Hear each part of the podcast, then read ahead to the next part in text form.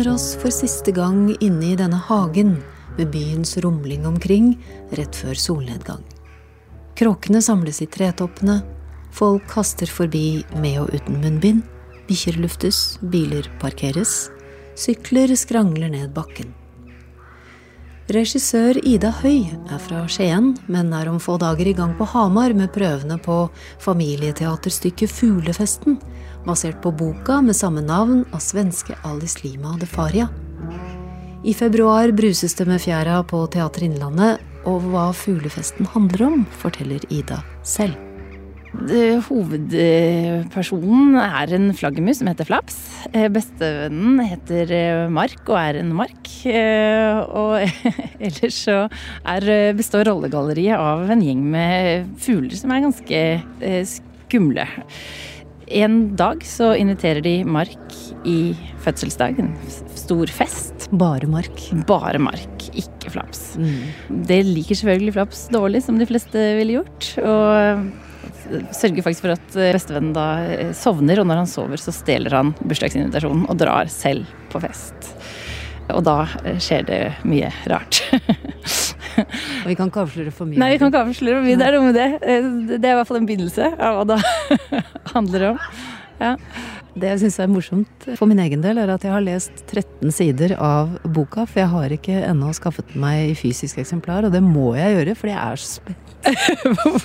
for jeg kom bare til at Flaps oppdager at bestevennen Mark er invitert på fuglenes fest. De forfengelige, selvopptatte, litt sånn ekle fuglene. Ja. Og at han ikke er invitert. Ja. Og da får han en plan.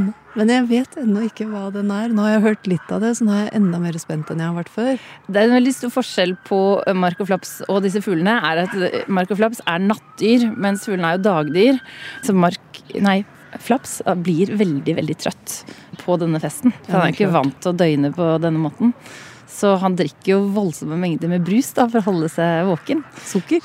Eh, sukker, jeg må ha masse, masse sukker. Da, der tenker jeg at barna de vil jo da kjenne seg igjen i dette. At eh, sukker det gir liv og energi. Mens de voksne kanskje får assosiasjoner til alkohol som tylles inn i store mengder. Ja. Eh, og sånn, Det er så fint med den boka at det ligger i to lag. Barna og voksne ler av det samme, men likevel på ulike måter. Og vi kan nok kjenne det igjen. Mange av oss har vært Mark. Ja. Og mange av oss har vært Flaps. Ja.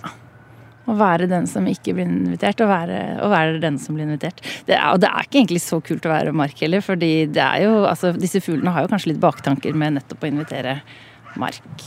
Ja, de inviterer en godbit. De inviterer en godbit.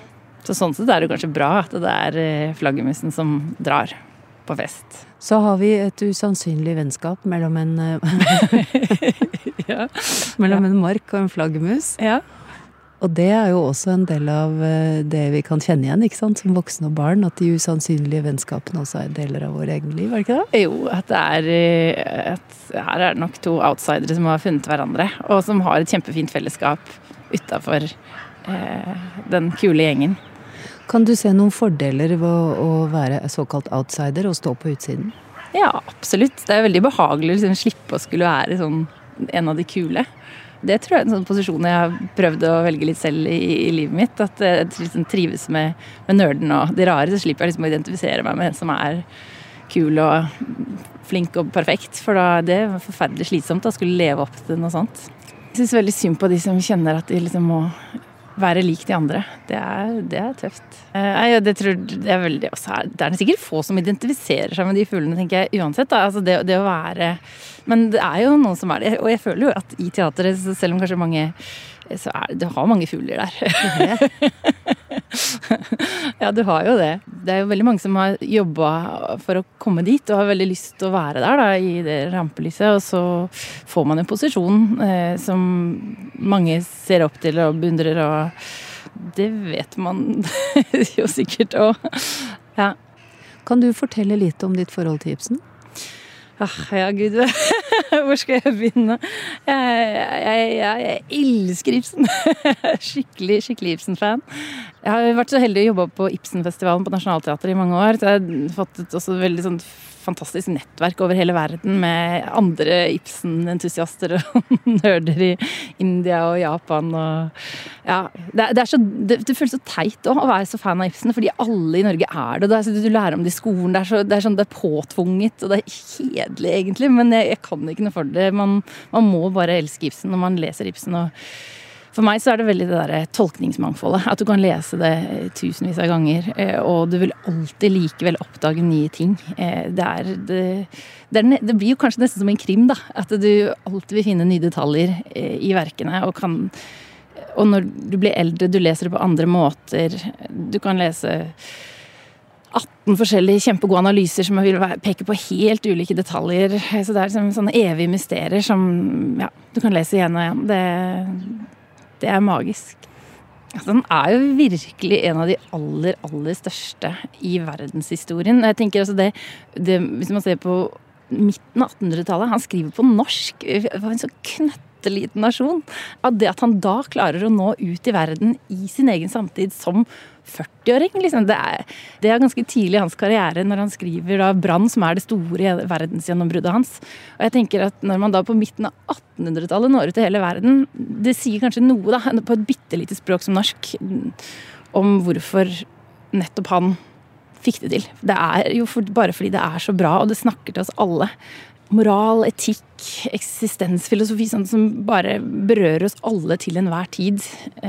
Og det oppleves jo på en måte støvete ved at språk er gammelt, og, og det er ikke noen mobiltelefoner der. Det er, sånn, det, det er, han beskriver eh, i det sånn ytre sett ikke vår verden, men menneskene er de samme, og menneskene har jo alltid vært de samme, så han skriver jo om oss. Så teksten Jeg mener at språket må oppdateres sånn ordentlig for at vi liksom skal skjønne det, og skjønne bildene hans, men ja, nei Det har jo vært uenighet om det også. Hvor mye man skal endre språket. Mm. Jeg har hørt uh, noen skuespillere sier at men det ligger jo der, hva er poenget med å ta på det en moderne språkdrakt? Mens andre sier det helt motsatte. Mm. Det ligger jo der, og derfor må vi ta Vi må snakke med, den, med det språket vi har i dag, mm. for at han skal bli nær oss.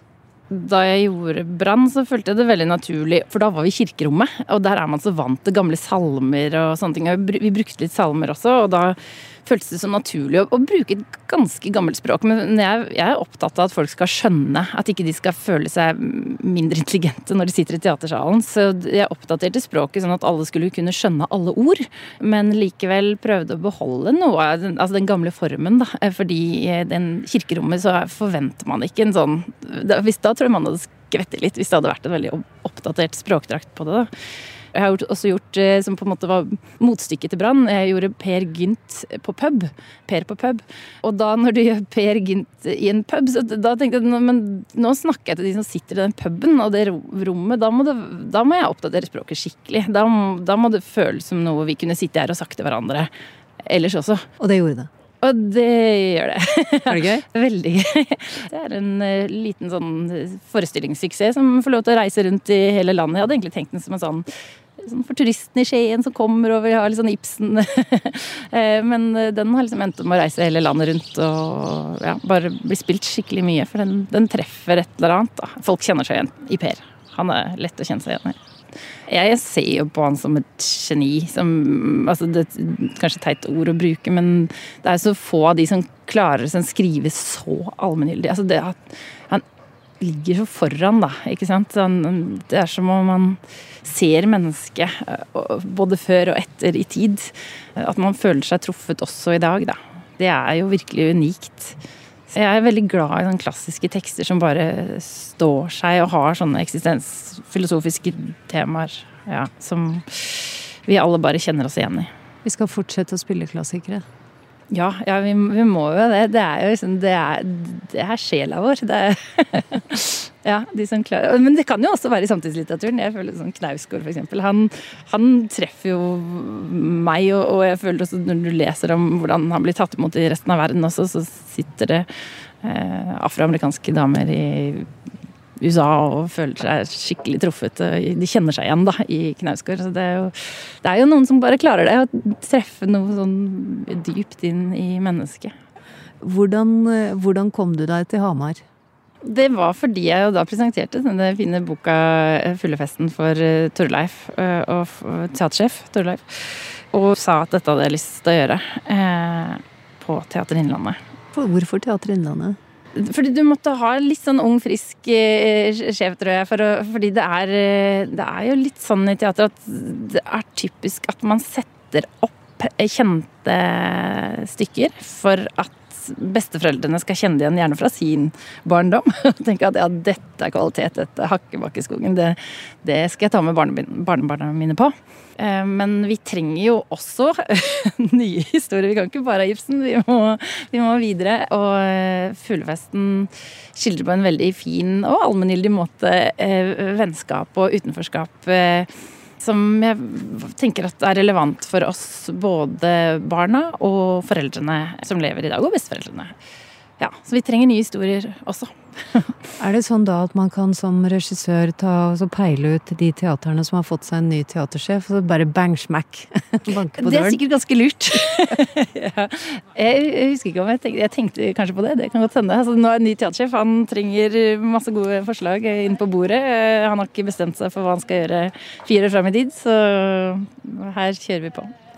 Men fuglefesten kom, og boka er skrevet av Alice Lima de Faria. Alice Lima de Faria, som antagelig har et av de aller fineste forfatternavnene jeg noen gang har sett. Ja, ikke sant? Ja, En nydelig dame også. Hun er merkelig nok eh, svensk. Og scenograf. Det visste jeg jo ikke, så hun har jo teaterbakgrunn selv. Hun illustrerte jo Erlend Los eh, Hva het den for noe, da? Ikke Prompemelk i Sahara, men Prompemelk. Rumpemelk fra Afrika, ja. Ah, det visste jeg ikke. Men så gøy. ja. Nå har vi gått i en kulturelt historisk spagat mellom eh, Ibsen, sneia innom eh, Knausgård, og fram og tilbake til uh, Fuglefesten. Ja. Som kommer på Teater Innlandet og turnerer. Ja. Først på Hamar kulturhus, på teatret. Ja. Og så er det rundt på Åtte hjul. Mm. Med Mogulen mm. som eh, teaterbussen heter. Mm. Det er kjempespennende. Mark. Marken er jo jordas vaktmester. Ja. Men eh, i boka har Mark rød strikkelue. Mm. Og så er det jo utfordringen, da. En skuespiller som en Mark på scenen. Jeg kjenner at jeg gleder meg veldig til det. Ja, det, det, gjør jeg også. Og det er jo utgangspunktet forelskelsen også. En del, en del, av forelskelsen i denne historien for meg er jo også bare det der å, å få jobbe med skuespillerne når de skal framstille dyr. Eh, for det er noe av det fineste. Hvorfor det? Dette er grunnen til at jeg vil være regissør. Det elsker å jobbe med skuespillerne. Jeg elsker den lekenheten, den fantasien, den fysiske kreativiteten, den fysiske humoren som så mange skuespillere besitter, og ikke minst ensemblet på Teater Innlandet. Det gleder jeg meg så til å leke i og forske i. Jeg koser meg skikkelig bare når jeg snakker om det nå. Fordi det å framstille en mark, ja.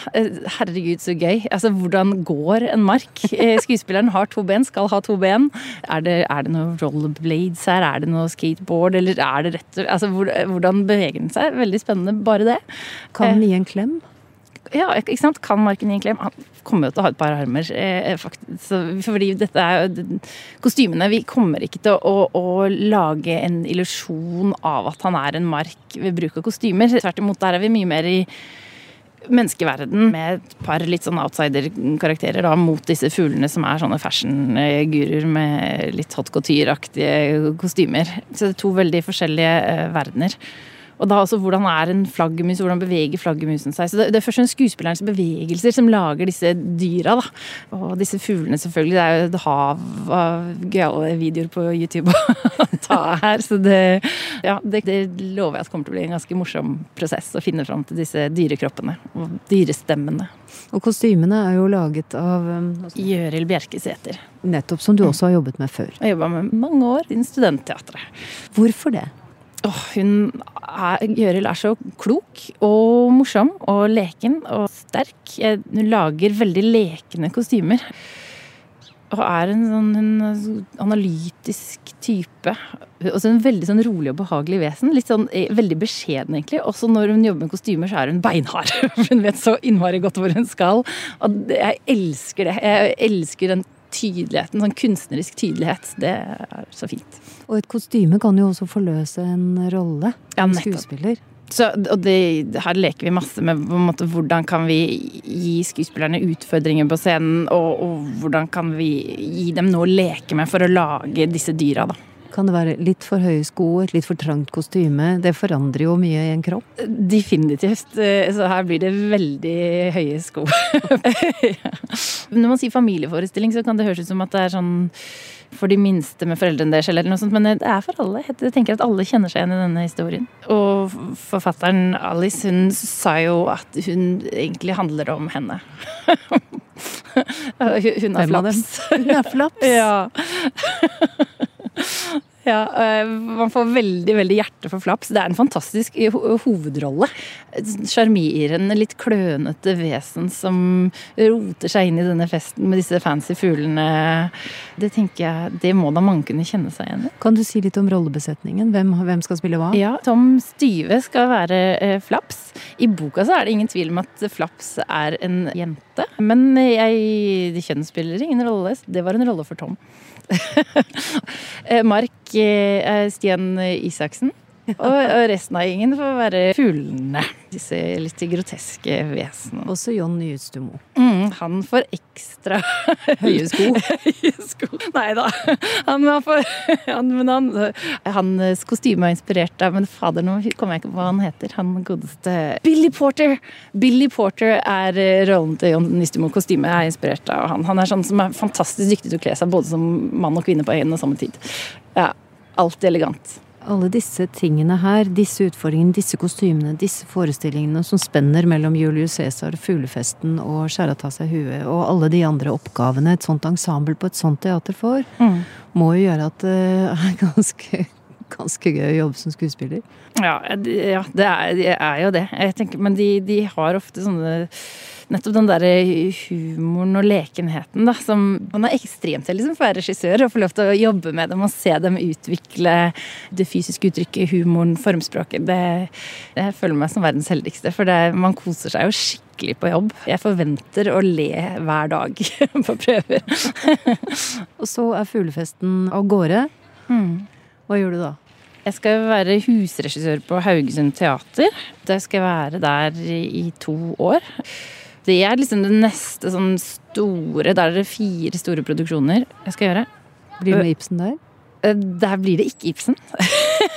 jeg, har, jeg, har, et eget Ibsen-kompani, Lerkefugl Produksjoner, som holder til da i Skien. Så den basen beholder jeg selv om jeg flytter til Haugesund. Så det kommer til å komme nye Ibsen-produksjoner eh, derfra. Der har jeg mange utvikling nå også. har du et uh, stykke du vet at du på et eller annet tidspunkt fryktelig gjerne vil sette opp? Det er jo mange av Ibsens verker jeg har veldig lyst til. Ibsen i ring. Men eh, nei, jeg har, mange prosjekter på blokka som jeg ser fram til å utvikle videre.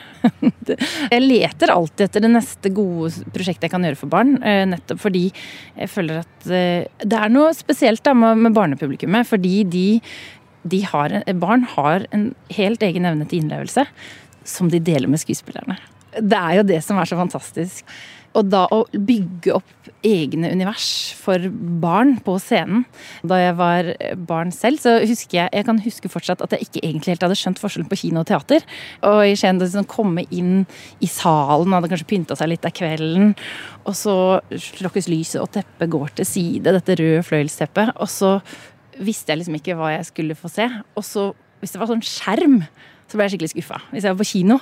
Men hvis de hadde bygd en hel verden for meg inne på den scenen, og så kommer det voksne mennesker som går inn i roller det er jo det mest magiske som fins. At det observerer voksne som leker, og som leker til og med bedre og mer avansert enn det jeg kunne produsere som barn. Da. Den leken vi hadde, liksom, det fascinerte meg veldig. Og også at med teaterets virkemidler, at eh, nettopp det at eh, en måke Jeg husker veldig godt en gang jeg så en forestilling som het Svartsleif den store. Da var jeg tre år gammel. Jeg husker fortsatt veldig godt at måka gikk på rulleskøyter.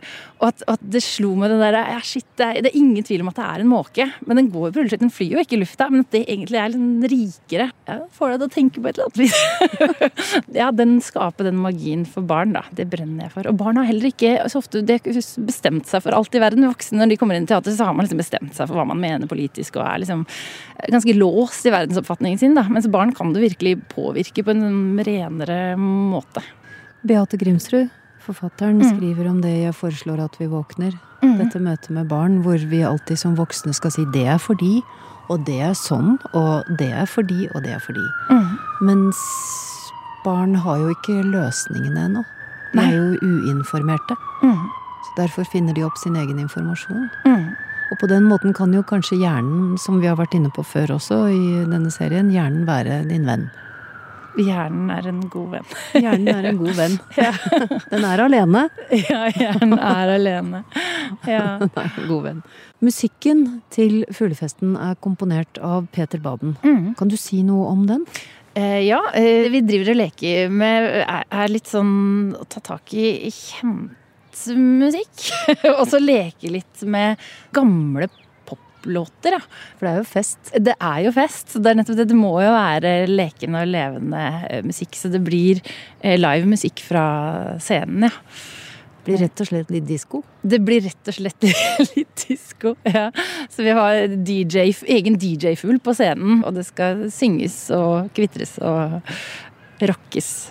Et eksempel eh, som vi jobber litt med, er å se eksempel en låt som kanskje minner litt grann om rehab, f.eks. for eksempel, til Amy Winehouse. At det kanskje kan være gøy både for voksne og barn, at man kjenner igjen litt sånn elementer. Jeg sa nei, nei, nei. ja. Eh, Som hører hjemme på fest. Det er mye som hører hjemme på en fest. Det, ja, ja, det er det som er så befriende. At det er ganske mye som hører hjemme på fest. Kan publikum kle seg ut som fugler selv også? Det syns jeg de skal. At de må få litt sånn festlig mat og være på fest Enig. til stede sammen med oss. Mm. Vil du avslutningsvis ønske deg noe for 2021? Åh, ja, vi må jo løse opp i litt koronaregler. Det, det må vi ønske oss. eh, At vi, får, at vi får spille teater for mange mennesker. Vi som jobber med teater, er jo opptatt av det. At vi får lov til å møtes igjen og klemme hverandre. Det er viktig. Ida Høy, godt nyttår. Godt nyttår, Kari.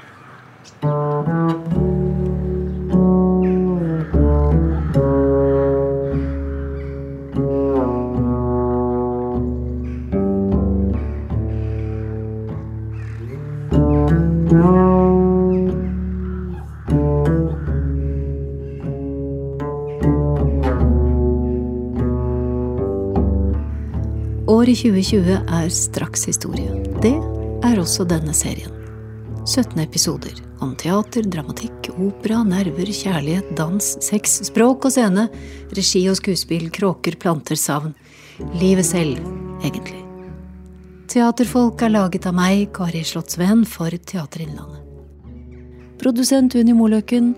Bakkemannskap, foto og formidling Liv Holte Steine. Musikken er komponert og fremført av Ellen Andrea Wang.